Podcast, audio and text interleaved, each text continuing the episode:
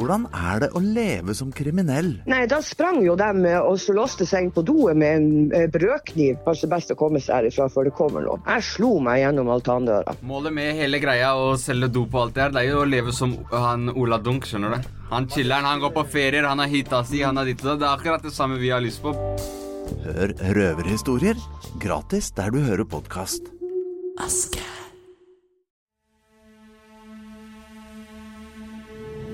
Det er utrolig mange ubesvarte spørsmål i denne saken her. Politiet de er utrolig forsiktige med hva de går ut med.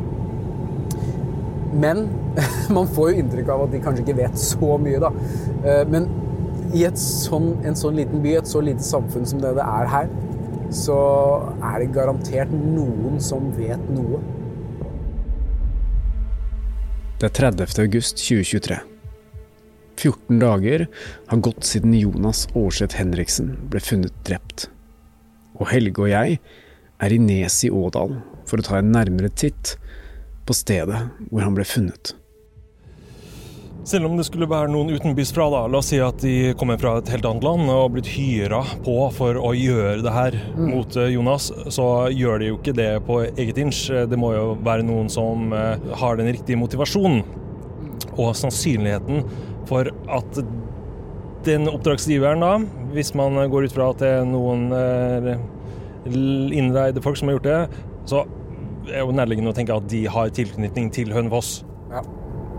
Og kanskje disse og, ikke sant? Og da, da, har man OK, det er fordi at eh, Jonas kommer herfra, men òg denne detaljkunnskapen som de må besitte for å vite disse detaljene om at denne hytta oppe i Vern, veien 5, ligger avsidelengens til. Eh, alt dette med den bommen, flukterute. Vi vet jo at politiet enda ikke har gått ut og etterlyst noen bil. Det er jo interessant å se på at politiet vil ikke bekrefte noen av disse tingene som har kommet ut i media heller. Politiet holder fortsatt kortene sine tett til brystet. Siden vi startet vårt arbeid med denne saken, har vi mottatt en stor mengde tips og snakket med flere titalls mennesker som har ønsket å gi oss interessant informasjon. Mange av dem ønsker ikke å gå til politiet. Oi, Legg merke til det her nå. Her er det altså så dårlig dekning at eh, kartet på uh, denne skjermen din i bilen ikke henger med. Se på det, du. Her er det Edge. Men det er utrolig fint her da med og idyllisk ved eh, Vestre Bjonevatn. Det er litt sånn her rart å tenke på ah, det her eh, stygge bakteppet når man kjører rundt i sånne her fine omgivelser. Vi skal nå gjøre våre egne undersøkelser for å finne ut om noe av denne informasjonen kan være med på å besvare noen av de ubesvarte spørsmålene i denne saken. Dette er Drapet på Jonas, en podkastserie fra Avhørt. Del fire De ubesvarte spørsmålene.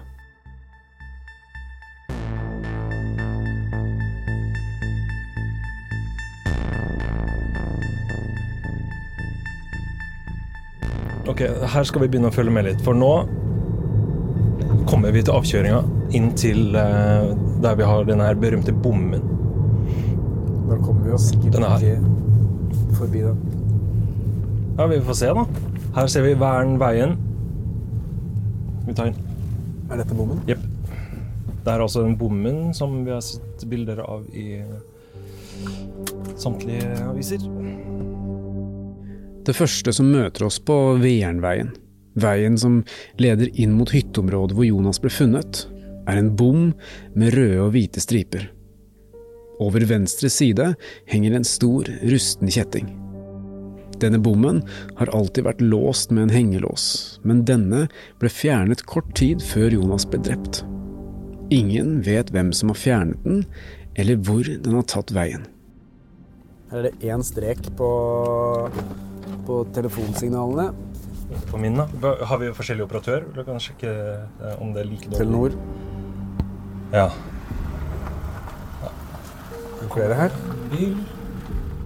Mens vi står ved innkjøringen til Vernveien, kjører en stor grå bil opp ved siden av oss, og en eldre mann går ut for å åpne bommen. Skal vi prate med han? Burde vi jo prøve på? Hei sann! Nei, vi er ikke fra politiet. Vi kommer fra en podkast som, heter- som heter Avhørt. Ja. Han forteller at han har hytte rett i nærheten av der Jonas ble funnet. Han var ikke på hytta den torsdagen Jonas ble drept, men han kom opp dagen etter og ble møtt av politiet, som hadde en del spørsmål til alle hytteeierne i området.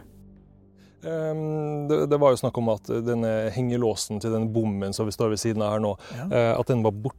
Var det noe du la merke til? Ja, ja. For jeg kjørte ut her på tirsdag, ja. Ja. Og det var vel klokka sånn halv ett, og da sto bommen i pip oppe, så jeg bare reiste rett igjennom. Mm. For det hender jo det at disse her som har skogen rundt her og sånt, og hvis de er inne en liten tur et eller annet, så tar de gjerne med seg låsen, eller hvis det er en tømmerbil og sånn, så det er sånn som da skjer, og så nå setter de den på igjen når de reiser ut igjen. Ja. For det er kanskje ikke et veldig trafikkert område? Nei, nei, nei, ikke helt tatt, for det er jo bom i begge ender ikke sant. Så at uh, den hengelåsen var borte, var det noe du tenkte var mistenkelig? Nei, jeg, bare så, jeg så jo bare at bommen sto oppe, så jeg bare reiste rett igjennom. Ja. Veiernveien går langt gjennom skogen. I andre enden av denne veien ligger også en bom. Denne låst med en kjetting, men det er ingenting som tyder på at noen har tatt seg gjennom denne bommen, eller at denne låsen har vært fjerna.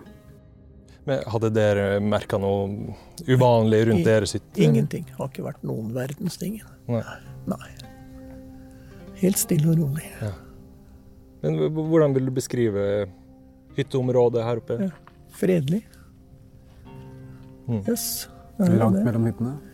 Nei, sånn du ser eh, til hverandre. I hvert fall de som, som ligger, men vi har god plass. Ja. Mm. Det er ubehagelig at det Nei, ikke for meg. Jeg regner jo med at dette har jo ikke noe med oss å gjøre. Dette, dette er jo mot han stakkar. mm.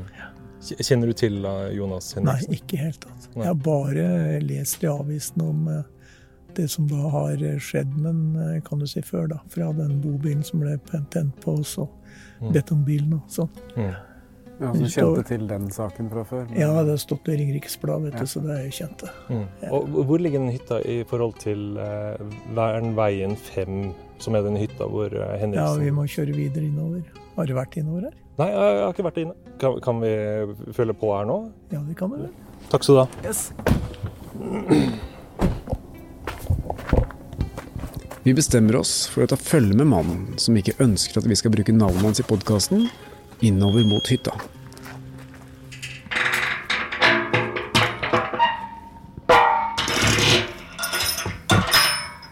Vi lukker bommen bak oss, som ikke lenger har en lås. De som har hytte her, de henger bare kjettingen over den ene enden. Og så kjører vi innover Skogsveien. Altså, hvis disse Og det er jo nærliggende å tro at de som tok livet av Jonas, eh, kjørte på nettopp denne veien.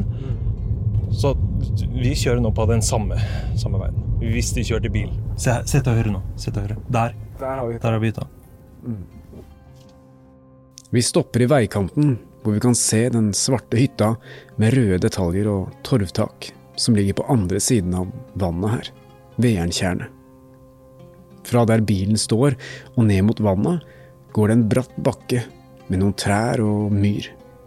Der vi står, har vi god sikt mot hytta, og terrassen, som har blitt mye fotografert i mediene. Ser du bare rett over der, så der har du hytta, da. Der ligger hytta. ja.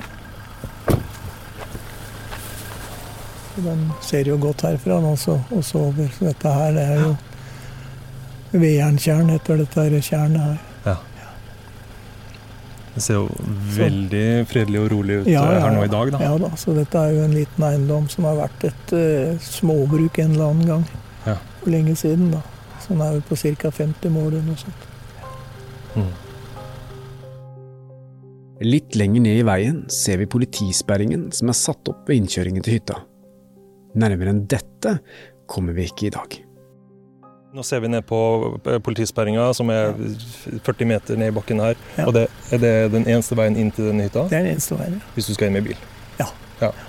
Hvis man skulle komme til fots inn til denne hytta her, Ja, da må vi gå i skauen, da. ja. Vet du om eh, politiet har eh, Veit ikke. Nei. Har ikke peiling hva de har gjort og ikke gjort. mm.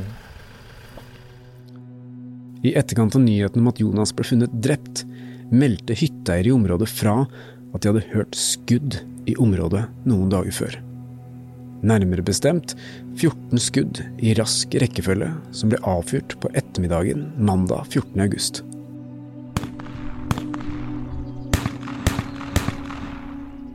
Kanskje hørtes disse skuddene litt sånn ut. Når denne episoden blir publisert, er det fortsatt ingen som har meldt seg i forbindelse med skuddene, så vidt vi vet. Er det mye jegere Er det jaktområde her, eller? Ja, ja. Det er jo elgjakt og sånn, og det er jo også litt småviltjakt og sånn innover her òg. Ja, for at uh, I etterkant av at eh, Jonas ble funnet drept, så uh, kunne vi lese om en uh, i området her som hadde hørt noen skudd. Ja, vi har hørt skudd, ja, men det var i forkant, det. Ja. Men Har du hørt disse skuddene? Ja, jeg hørte de skuddene, ja. Det kom en, eh, for da var jeg på hytta da. Så det kom en sånn rask serie, og så ble det et opphold, og så kom det ja, en, på en fire, fem, seks skudd igjen. Så jeg regna med at det nå er en av disse gutta som skal på jakt, som skyter inn børsa si, vet du. Ja. Det er ikke uvanlig. Hytteeieren presiserer at han ikke har noen inngående kunnskap om våpen selv, men han tenker selv at det hørtes litt ut som et jaktgevær. Nei, det var jo et, det hørtes ut for meg som et sånn jaktgevær, for det var jo ganske harde skudd. da. ja. Ja. Men, men kom de kjapt etter hverandre, eller? Ja, den første serien kom jo veldig kjapt, og så var det et lite opphold, og så kom det et til. Så det virka som en som skjøt inn også. ja. Er det vanlig å høre skudd i området her? Eller Ja, var det det... er jo ikke helt uvanlig heller, da, for at uh, du er litt ute på skogen og sånn. og det er ikke akkurat så veldig nære til skytebane, så hvis du skal skyte inn et gevær, så gjør de gjerne det sjøl, og så setter opp en blink og, og gjør det. Så da tenkte du ikke noe spesielt Nei, over det? Nei, ikke noe spesielt i det hele tatt. det. Og ikke visste vi jo noe på det som kom til å skje etterpå heller, så da Så det var jo sånn helt naturlig. Ja. Ok, Helge, når vi sitter her i dag, vi sitter i studioet vårt i Oslo nå, så er det gått eh, tre uker siden Jonas ble funnet død. Mm. Det er veldig lite informasjon som har kommet ut de siste par ukene. Det meste har vi kunnet lese som egentlig som rykter i, i media. Det er eh, både NRK og VG har kommet ut med informasjon som eh, politiet ikke har villet bekrefte foreløpig. Jeg regner med at eh, de store mediehusene har eh, sikre kilder på informasjonen sin. Vi også gjør jo det vi kan for å verifisere den informasjonen vi eh, går ut med i podkasten før vi publiserer noen ting. Så vi må også være veldig forsiktige med hva vi går ut med. Ja, men vi ser jo òg at eh, de store mediehusene har roa litt ned på hva de skriver om denne saken her. Um, men eh, der vi ser at aktiviteten er veldig høy, er inne på noen bestemte forumer. Hvor det skrives ekstremt mye, og mm, mange ville teorier. eh, mye basert på ting de har hørt i bl.a. denne podkasten. Men eh, vi ser òg at det er helt åpenbart at noen fra Hønefoss som vet hvem disse her personene er, og helt eh, spesifikke navn, eh, er med i denne eh, debatten da, på, på nytt. Dette har jo ført til et utrolig engasjement blant lytterne våre, og vi får jo inn masse eh, tips som leder i alle retninger. Ja. Men selv om, selv om det er åpenbart at eh, mange av disse ikke har noen personlig tilknytning til Jonas eller saken, så, så kan vi jo ikke avfeie noen av disse tipsene, for svaret kan jo ligge nettopp i en av disse e-postene eller Facebook-meldingene som vi har fått inn. Men jeg har lyst til at vi skal snakke litt om disse skuddene som ble hørt eh, fire dager før Jonas eh, ble funnet drept. Mannen vi møtte i, eh, på Vernveien den dagen, Mm. han var jo en av de hytteeierne som hadde hørt skudd i området. Eh, For han så var ikke dette her noe spesielt. Eh, Man hører skudd der fra tid til annen. Han mente at han kanskje syntes det hørtes ut som et rifle, eller rifleskudd. Ja. Men han hadde jo ikke noe inngående kunnskap om, om, våpen. Så han ville ikke si noe sikkert, men for han så hørtes det ut som en rifle og en som kanskje skulle jakte, som ville teste ut uh, våpenet sitt. Ja, og det jeg har hørt fra en kjentmann uh, oppe i området der, er jo at det eh, finnes uh, et område der hvor du kan sette opp en blink og teste f.eks. da en rifle. Mm. Og dette er noe som eh, gjøres fra tid til annen, og spesielt i den eh, tiden vi er inne i nå, som er like før jaktperioden mm. starter. Mm. Og, det kan være det kan, det kan, hende at disse skuddene ikke har noe med drap å gjøre i det hele tatt. Men, men la oss mm. si at det har noe med drap å gjøre, da. Ja. Hva tenker du er grunnen til at noen ville skyte 14 skudd mandagen fire dager før, eh, hvis man har planlagt å drepe noen? Da? Ja. ja, altså min tanke da er jo at hvis du planlegger at du skal skyte eh, noen der eh, på torsdag den 17., mm. så eh, hva med å gjøre en testskyting noen dager før, og bare sjekke hva skjer? Hva mm. skjer hvis man eh, eh, skyter noen skudd, da? Mm. Kommer politiet? Kommer det noen naboer til? Mm. Eh, de kan sjekke responstiden på politiet eventuelt. Mm. Og at man da skyter 14 skudd ned i det verntjernet, mm. f.eks. Og så ja Gjemmer man seg litt opp i skogen, og så ser man om det skjer noen ting? Ja, se om det kommer noen. Oi. I, I dette tilfellet her var det ingen som hørte disse skuddene, som satte dette i sammenheng med at det kunne være noe kriminelt? Nei. Og det han sier, han vi møtte der, denne hyttenaboen, er at han mente at dette var en, eh, et jaktvåpen, en rifle. Det var det, det var det, han tenkte. Og vi ser jo hvis skuddene har blitt skutt oppe fra hytteområdet, så er det flere faktorer som spiller inn her. Eh, da skal lyden transporteres fra dette området og mm. ned mm. til de andre hyttene, hvor bl.a. denne karen befant seg. Og det er jo mye demping av lyd eh, mm. gjennom eh, tett skog. Men det som er faktum, er at det er forskjell på lyd mm. eh, om du skyter med en eh, rifle, og om du skyter med en eh, f.eks. 9 mm pistol. Mm. Og hvis du hvis, hvis, vi går ut fra at dette er planlagt, at uh, noen har lurt Jonas opp til den hytta og skal skyte han, tar du virkelig da med deg en rifle? Nei, det er veldig rart. Uh, da må du jo kanskje ha et kjøretøy eller en stor veske eller et eller annet for å, for å frakte denne her uh, rifla. Mm -hmm. um, jeg, jeg, hører ikke om så mange rifler på liksom det svartebørsen blant kriminelle. I hvert fall ikke her i Oslo. Jeg vet ikke hvordan det er Nei. ute på bygda. Men uh, det, er, det, er, ikke et vanlig våpen å bruke hvis du har planlagt et uh, drap, da. Nei. På, Så, på kloss hold. Og det er upraktisk. Det er veldig upraktisk ja. å drasse med seg. Det er lett å se, vanskelig å skjule. Yep. I motsetning til en pistol. Mm. Nå har vi ikke fått bekrefta uh, eh, hva Jonas uh, ble skutt med. Nei, Nei, politiet jo, holder jo på informasjon. Hytteeieren reiser videre til sin egen hytte som ikke ligger så langt unna. Og vi fortsetter å gjøre oss litt bedre kjent i området. Men eh, supert. Tusen takk skal du ha. Jo, jo. Ha det godt. Ha det. Satellittbilder tatt den 17. august klokka 12.26 viser det som sannsynligvis er arbeidsbilen til Jonas. En Mercedes Sprinter med en tilhenger, parkert på veien som går opp mot hytta. Noen timer senere blir Jonas funnet i denne bilen av en liten gruppe venner som har kommet opp for å finne ham etter at en av disse hadde mottatt dette kartutsnittet fra Jonas tidligere denne morgenen. Det man ser på denne bilveien som går opp hit, ja. det er jo at det er bare plass til én bil i bredden. Det er noen få steder hvor du kan møte noen, og så kan du kjøre ut til sida og slippe ja. den andre forbi. Hvis du kjører opp hit og har planlagt å begå et alvorlig lovbrudd, ja. så Høy risiko. Høy risiko for å bli oppdaga. Hvis du møter hvis, da, Du kan kanskje komme hit på nattestid, da. Kanskje. Vi, vi, har jo ikke innsikt i politiets hva, hva de har sikret seg av spor. Nei. Men Hvis man har kjørt med en bil Ja. i dette området, så vil det være mulig å hente inn eh, hjulspor Ja. eh, og annet. Det kan være lakkrester, det kan være ting som har falt ut av bygget. Altså, Ja. Men hvis du går gjennom skogen her, her er det, det er myr Ja. Og, og skog. Ja. Altså, jeg tror det er ganske vanskelig å, fi, å finne spor fra noen som har gått gjennom skogen her og opp til den eh, hytta. Men samtidig, vi har denne bommen.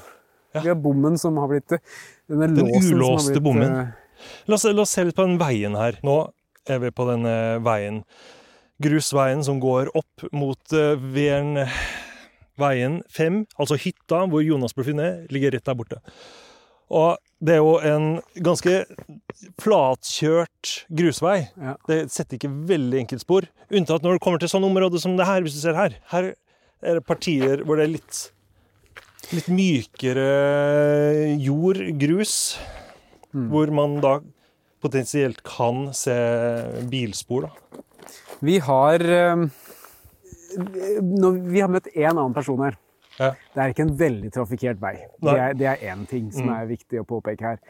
Eh, Så en naturlig tanke ville kanskje vært at hvis man skal forsikre seg om å ikke bli oppdaget, så drar man hit på nattestid. Ja. Men samtidig er ikke veldig trafikkert. Vi har ikke møtt veldig mange mennesker. Du kan ta sjansen og reise hit på morgenen. Det vi vet, Mm.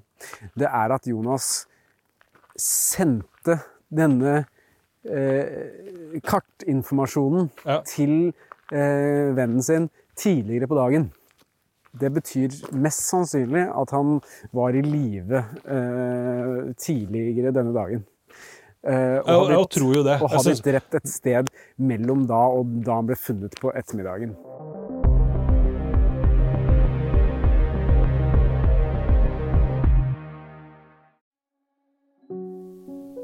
Var det som skjedde på denne hytta nøye planlagt?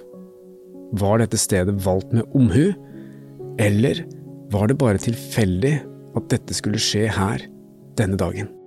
En annen ting som slo meg da vi sto der og så over på denne hytta, mm. det var nettopp at vi kunne stå der og se over på den hytta. Det er, selv om det er en avsidesliggende hytte på mange måter, altså eh, det, er ikke, det er ikke nødvendigvis lett å finne frem dit. Nei, det er Eh, ikke et sted du bare ender på slump. Nei, du ender ikke der på slump, men med en gang du har endt opp der, så Mm. ser du jo rett over på hytta.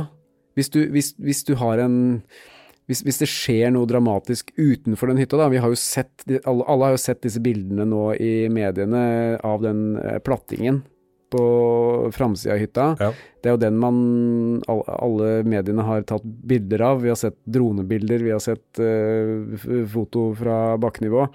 Um, hvis det skjer noe ute på den plattingen, da, Mm. så ser du det ganske lett fra veien. Mm. Hvis du vet at du skal se dit, da, men den, den er jo åpen.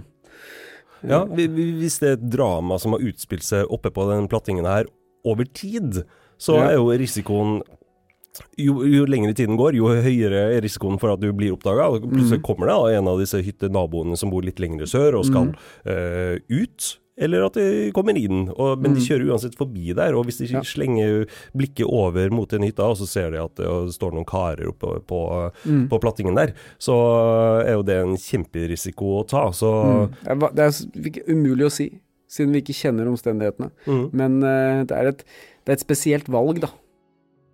Det vi så i nyhetene nylig, var jo eh, nye dronebilder uh, tett på denne hytta, hvor man kan se at det er fjerna deler av denne plattingen. Mm, det var Eh, to planker Ja. som var fjerna. Hvis krimteknikere sikrer seg en eh, sånn gjenstand som en, en, en plankebit, så er det jo åpenbart at det er noe viktig med den plankebiten. Eller hvis det skulle vært en gulvflis eller hva det måtte være for et annet åsted, så er det et spor der. Det, det vi har fått informasjon om, er jo at disse plankebitene ble fjerna kort tid etter at politiet kom eh, på området og sperra det av. Så eh, politiet har jo sett ganske tidlig at her var det noe som var interessant. Og vi har jo nå sett i mediene at eh, VG har gått ut og sagt at de vet at det er skuddskader eh, som er funnet i disse plankene. Det er jo veldig interessant, da. Fordi eh, hvis det er skuddskader i gulvet på plattingen, så, så, så betyr jo det at, at, at, at noen kan ha bomma. Altså har det vært et, eh, et basketak ute på denne plattingen som har ført til at skudd, dette skuddet har gått av, som har truffet, uh, truffet gulvet? Det, det, ja, det, det er sånn umiddelbart tenke, da. Eh, en annen forklaring kan jo være at det muligens har vært et slags varselskudd for å skremme. Selvfølgelig. Vet ikke. Man kan jo lett se for seg at Jonas har kommet kjørende opp på tunet der, opp til hytta. Mm. Gått ut av bilen sin, møtt på noen som eh, ikke hadde bestilt noe brønntrykking, men rett og slett kanskje står der for å konfrontere han med et eller annet. På et eller annet mm. tidspunkt så kommer det frem et våpen. Og hvorfor har man med seg et våpen til et, et møte, et, et, et skarpladd våpen? Det er jo enten for å, å, å drepe, skade eller skremme. Mm. Og ja, det kan alltids hende at vedkommende har fyrt av et skudd for å prøve å skremme Jonas. Men, men med tanke på hvordan det, hvordan det endte, mm. så er det, jo, er det jo nærliggende å tro at dette har vært et skudd for å, for å skade eller drepe. Har det vært en nær kamp? Har det vært at uh, det har vært en kamp om dette våpenet? Og så har det gått man, av et uhell. Man kan se for seg alt mulig. Mer, jo mer informasjon jeg får i denne saken, jo mer sikker blir jeg på at de som har skutt Jonas, ikke hadde en bil ved hytta. Nei. Fordi da måtte jo de ha parkert den helt oppe ved hytta. Mm. Og det, ut fra de bildene vi har sett, der bilen står uh, på denne traktorveien som er tatt av mm. satellitt, så var det jo ikke plass til å komme forbi. Hvordan har de kommet seg derfra hvis bilen sto og blokkerte veien? Ja, så det bare styrker jo uh, teorien om at uh, disse gjerningsmennene, eller gjerningsmannen, har kommet til hytta og dratt fra hytta til fots. Har politiet gjort søk i skogen? Det vet vi veldig lite om. Eventuelt så kan de òg ha brukt en uh, motorsykkel, selvfølgelig. Ellers så kan de jo ha kjørt av gårde i bilen sin før Jonas kom seg inn i sin bil. Så det er mange muligheter her. Men det at dette skuddet, eller skuddene, da, har gått av oppe på den hytta som har lagd skuddskader i disse plankebitene, det, det, det gir oss jo visse indikasjoner på at, eh, at eh, skuddet som drepte Jonas, kan ha skjedd oppe på den hytta, og ikke nødvendigvis i bilen der han ble funnet. Det gule og hvite sperrebåndet til politiet strekker seg over innkjøringen til hytta og hindrer oss i å komme nærmere. Fra der vi står, kan vi også se at det er sperrebånd rundt hele hyttetomta, antagelig for å hindre turgåere i området fra å komme inn til hytta. Det er en sånn spesiell følelse å stå her, altså. Det er under tre uker siden vi var her og pratet med Jonas, og, og 14 dager siden Jonas ble funnet drept her. Og på det stedet her òg. Det, liksom det er en veldig rart. spesiell følelse å tenke at dette her er det siste stedet Jonas var i live. Ja. Siste veien han kjørte. Når denne stein... Steinveien, det er jo ikke en vei. Dette er jo, som vi fikk beskrevet, mer en traktorvei enn, ja. en, enn en, bilvei. Um, og igjen her får du ikke sikra deg mange spor av, uh, av hjul, hjulspor fra en bil, altså. Nei, for det er jo store steiner. Det er jo sånn knyttneve, mange av de steiner man da kjører på. Uh, jeg lurer på Hva tenkte Jonas da da han kjørte inn veien her? Tenkte han at nå, nå skal jeg til en eller annen jobb, eller eh? Eller var det en annen Visste Jonas at For det vi har hørt, at de som eh, eide hytta, de hadde ikke bestilt noe oppdrag fra Jonas. Men visste Jonas det? At hvis det har blitt bestilt oppdrag, da, hvis Jonas trodde at han skulle her på en befaring i forbindelse med jobb, visste han at de som hadde bestilt den befaringen, ikke eide hytta? Og ikke hadde noe med hytta å gjøre? Det er jo ikke sikkert. Vi vet jo at en av tjenestene som Jonas eh, leverte gjennom sin, eh, sitt selskap, Henriksen Solutions, var jo brønner. Og denne hytteeieren som vi snakka med, han fortalte oss jo at det ikke er eh, Det er kanskje bare én hytte med, med noe innlagt brønn, var det han sa? Ja. Det er Så det er naturlig, kanskje, da, for en en hytteeier som ønsker å pusse opp hytta si og, og gjøre oppgraderinger på hytta si, Mm. eh, og installere en brønn. Så Ja, eller om man har en brønn som må vedlikeholdes. for eksempel. Kan være så enkelt som det.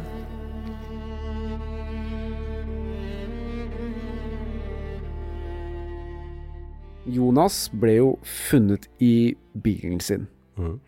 Bilen var på denne grusveien, eh, eller den steinbelagte veien opp mot hytta. Den eneste veien du kan kjøre bil opp til hytta. Ja, og det eneste formålet med den veien er å komme opp til hytta. Den, den går ikke noe Nei. videre.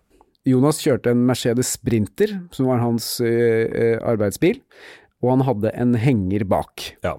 Det er en henger av den typen man har med seg, etter hva jeg har skjønt, eh, når han driver med sånn brønntrøkking, som var den, en, et, et, en, en tjeneste han tilbød gjennom Henriksen Solutions. Mm.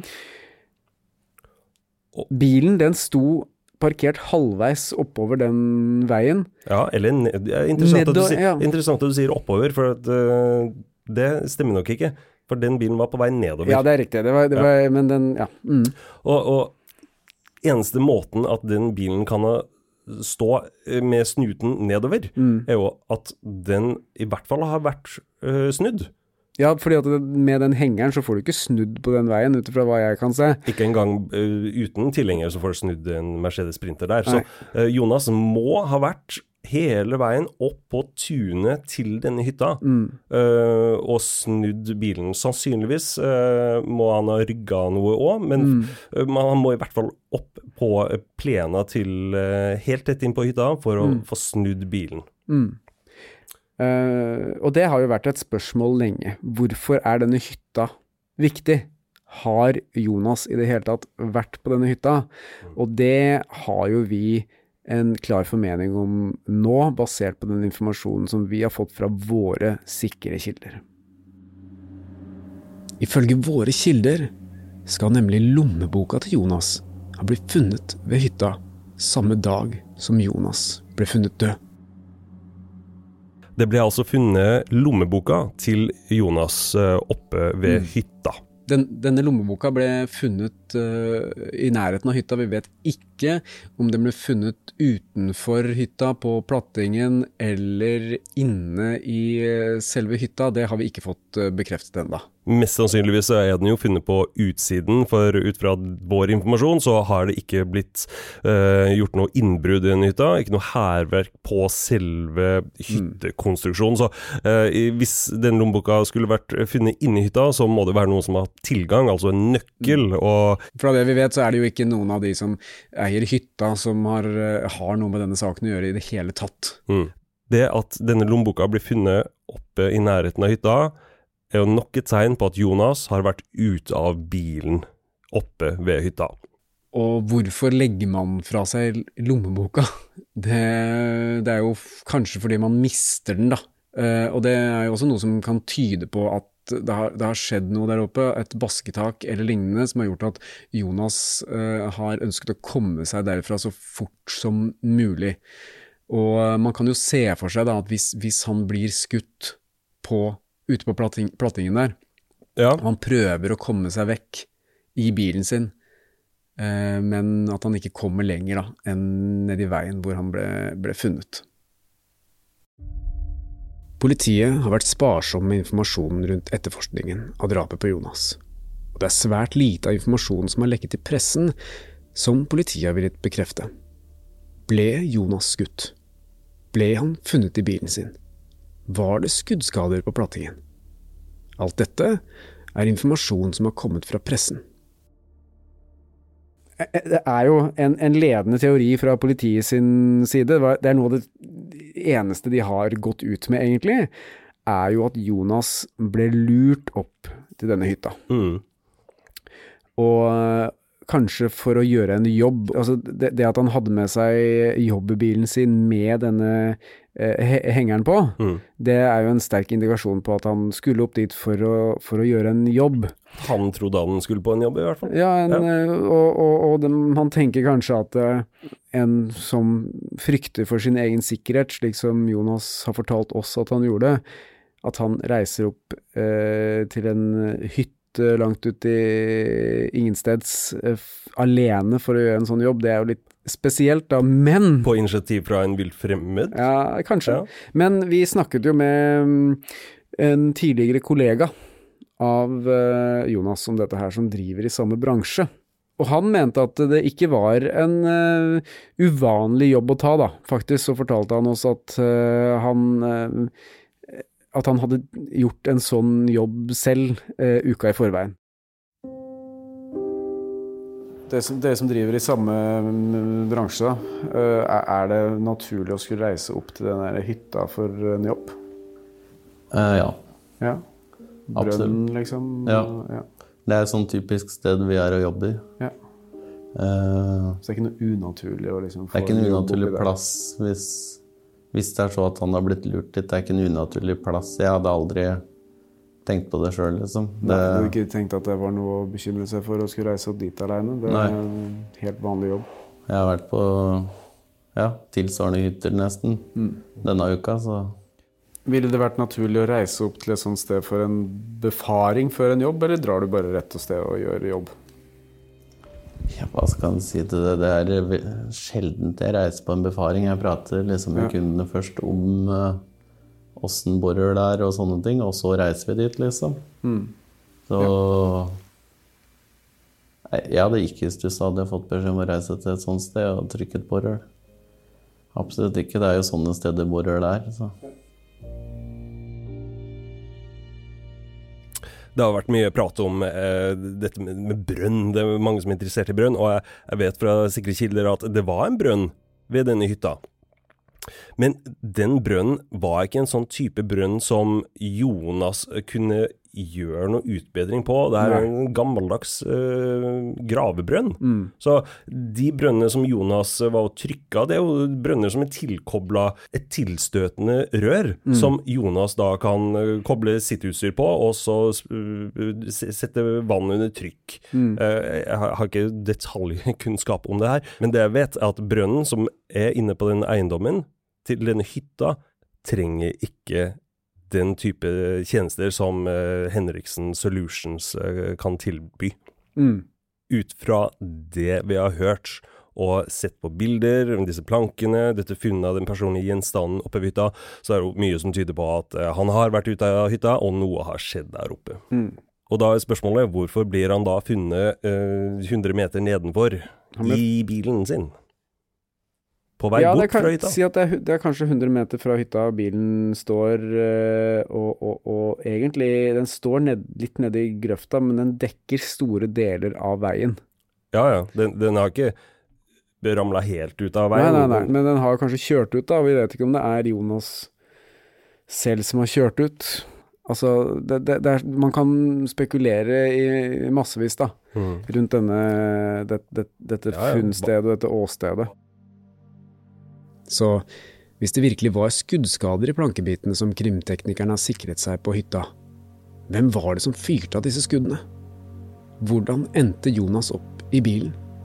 Kjørte han bilen selv, eller ble han flyttet dit? Hvem var det som lurte han opp til denne hytta? Og hvordan tok de kontakt med Jonas? Vi vet jo ikke om politiet har sikra seg telefonen til Jonas. Nei. Jeg vil tro at det finnes viktig, kanskje avgjørende informasjon på den telefonen mm. om hva som skjedde denne dagen. Inne på den telefonen så må det jo være noen svar. Det er jo ikke sånn at Jonas bare plutselig befinne seg på den hytta her som ligger sånn avsideliggende til. Eh, noen har jo bedt han om å komme hit, og da er spørsmålet hvordan har de kommunisert til Jonas at han skal være der til et gitt tidspunkt? Har de noen som har ringt han og hatt en samtale, så vil teledataen avsløre det. Eh, er det noen som har sendt en tekstmelding, så vil teledataen avsløre det. Og dette er informasjon som politiet da kan finne på en telefon. Mm. Um, for, og, som er den mest naturlige måten å kommunisere på. Hvis du tar kontakt med et firma som Jonas sitt uh, Henriksens Solution, så er det enten sende tekstmelding eller en mail eller ringe. Hvis Jonas har fått en forespørsel på en kryptert tjeneste som type uh, WhatsApp, Signal, mm. Snapchat, ikke sant, sånne ting hvor, hvor uh, informasjonen lettere kan fjernes, det tror jeg Jonas ville vært skeptisk til. Og da er spørsmålet Var dette noen han kjente? Det er jo det store spørsmålet, ikke sant. Var dette noen Jonas kjente? Var det noen han stolte på? Eller var det bare en vanlig jobb? Mm. Var dette planlagt? Var drapet på Jonas et planlagt drap? Teoriene rundt motivet bak dette drapet er mange. Har det forbindelser med andre kriminelle hendelser i området? Har det noe med brannene, taggingen og trakasseringen Jonas hadde opplevd de siste to årene å gjøre? Eller har det hele koblinger til et organisert kriminelt nettverk?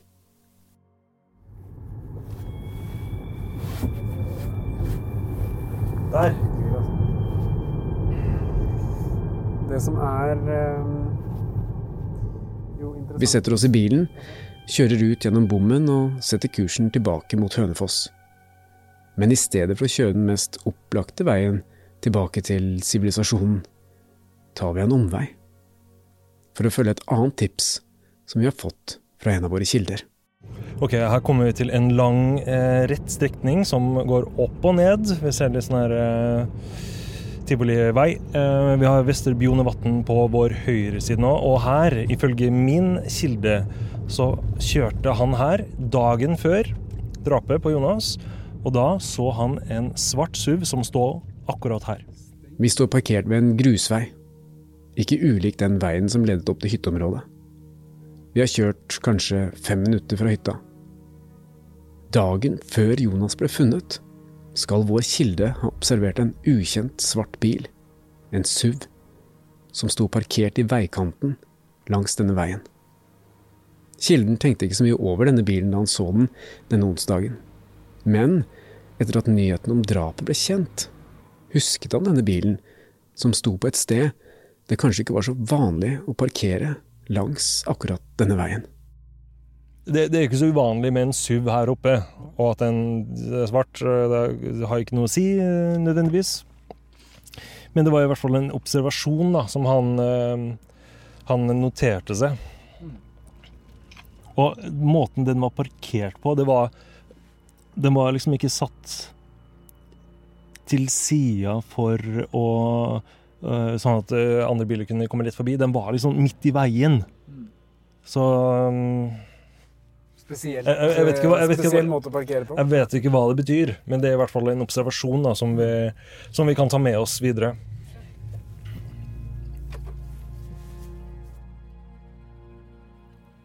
Denne bilen som eh, vår kilde hadde observert dagen før, altså onsdagen før eh, drapet, som bare sto på denne innstikkerveien som leder i retning mot hytta. Ikke helt frem til, men til øh, et område hvor du da kan fortsette til fots da, og mm. ende opp i denne hytta. Og jeg tenker at er ikke det det aller lureste? Det er jo ikke særlig lurt å kjøre en bil gjennom bommen uh, og helt opp til hytta. Risikoen da for å møte på noen hyttenaboer, uh, at noen observerer bilen oppe ved hytta, er jo mm. ganske, ikke kjempestor, men den er til stede. Og vi, vi, har, vi, og vi, vi har jo òg sett på uh, at det tas satellittbilder hele tida. Og politiet har jo tilgang til mange flere bilder enn uh, vi som sitter her og, på Google og Google Earth og alle mm. de tjenestene der, uh, hvor det oppdateres sjeldent. Men de kan jo oftere se, og hvis det da blir observert hvis politiet da kan se en bil, en annen bil, mm. uh, i tilknytning til hytta, så da, da, det er jo større sjanse for at du blir avslørt. Men hvis man hadde hatt en eh, bil da, stående og vente under noen trær i en mm. sidevei som inne i skogen her. Og det har vi jo sett på kartet, at det, de veiene finnes. Mm. Så hva om denne personen som har skutt Jonas, kom til hytta til fots, men hadde en ventende bil? Mm. Fra dette stedet hvor vår kilde hadde observert denne svarte SUV-en, så er det nesten to kilometer luftlinje til, eh, til hytta. Ja. Det er en overkommelig tur å ta, men det er et område med tett skog. Det er vått der. Det er ikke et sted hvor du setter igjen spor. Så mm. det er en veldig fin fluktrute, da, hvis du har ja. tid til å flykte de to kilometerne. Og det mener jeg at du har, fordi vi har kjørt de rutene der. Og den eneste, den mest eh, opplagte ruta opp til hytta, der, eh, der risikerer du å bli fanga på kamera mm. begge retninger. Enten via den lokale YX-stasjonen som ligger den ene retningen, mot Nes, eller via gjennomsnittsmålingsboksene som står langs veien mot Hønefoss. Det er flere veier man kan ta, men det er stor risiko for å bli sett uh, på alle disse veiene. Men hvis du snur og kjører den andre veien når du kommer ut fra hytteområdet, og kjører uh, den andre retningen mot uh, Hønefoss, så tar det riktignok opptil tre kvarter lenger hvis du kjører den veien, men du kommer ikke til å møte verken politi eller ambulanse som er på vei til stedet hvor Jonas ligger. Den veien òg gir jo mange forskjellige muligheter, for den tar jo alle mulige mm. retninger. Kan den svarte SUV-en ha vært en fluktbil for den som møtte Jonas på hytta denne dagen? Kanskje er det lettere å flykte til fots gjennom skogen, for så å hoppe inn i en bil og kjøre i motsatt retning av der de fleste andre biler vil ta seg opp til hytta. Men hvorfor risikere å parkere bilen på et sted hvor den kan bli sett? Dette er bare noen av de ubesvarte spørsmålene i denne saken.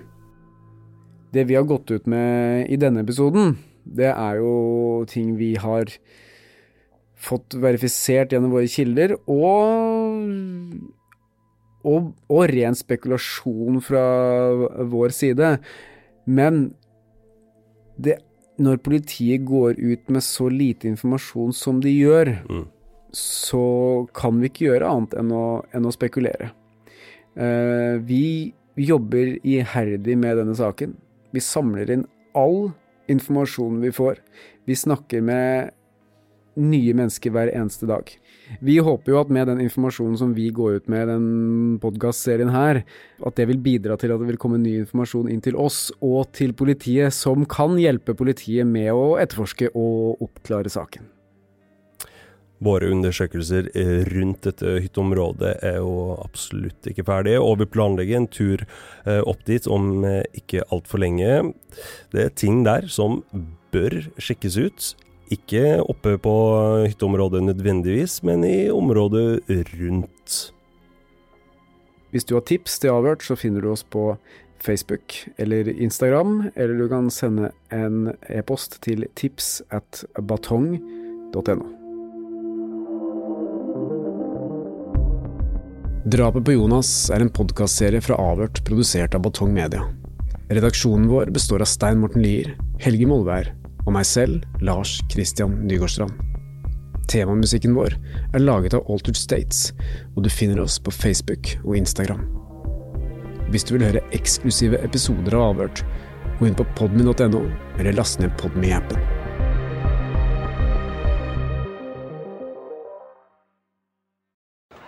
Er det noen som har hørt noen ting som helst om faktura 100374? Venter fortsatt på innbetaling fra 100330. Og en hel haug andre som er langt over forfall. Ja, men De pengene de må inn på konto nå! Vi skal jo investere nytt utstyr!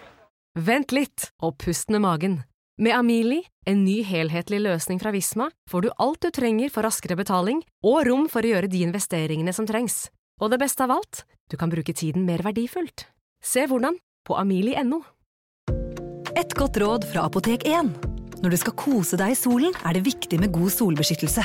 Hodeplagg og skygge hjelper, men vi trenger også solkrem. Vi har ansiktssolkremer tilpasset ulike hudtyper. Har du f.eks. tørr, fet eller normal og kombinert hud, finner du solkremer spesielt tilpasset deg og ditt behov. Kom innom og få råd på ditt nærmeste Apotek 1, eller chat med oss på apotek1.no. Apotek 1 vår kunnskap, din trygghet.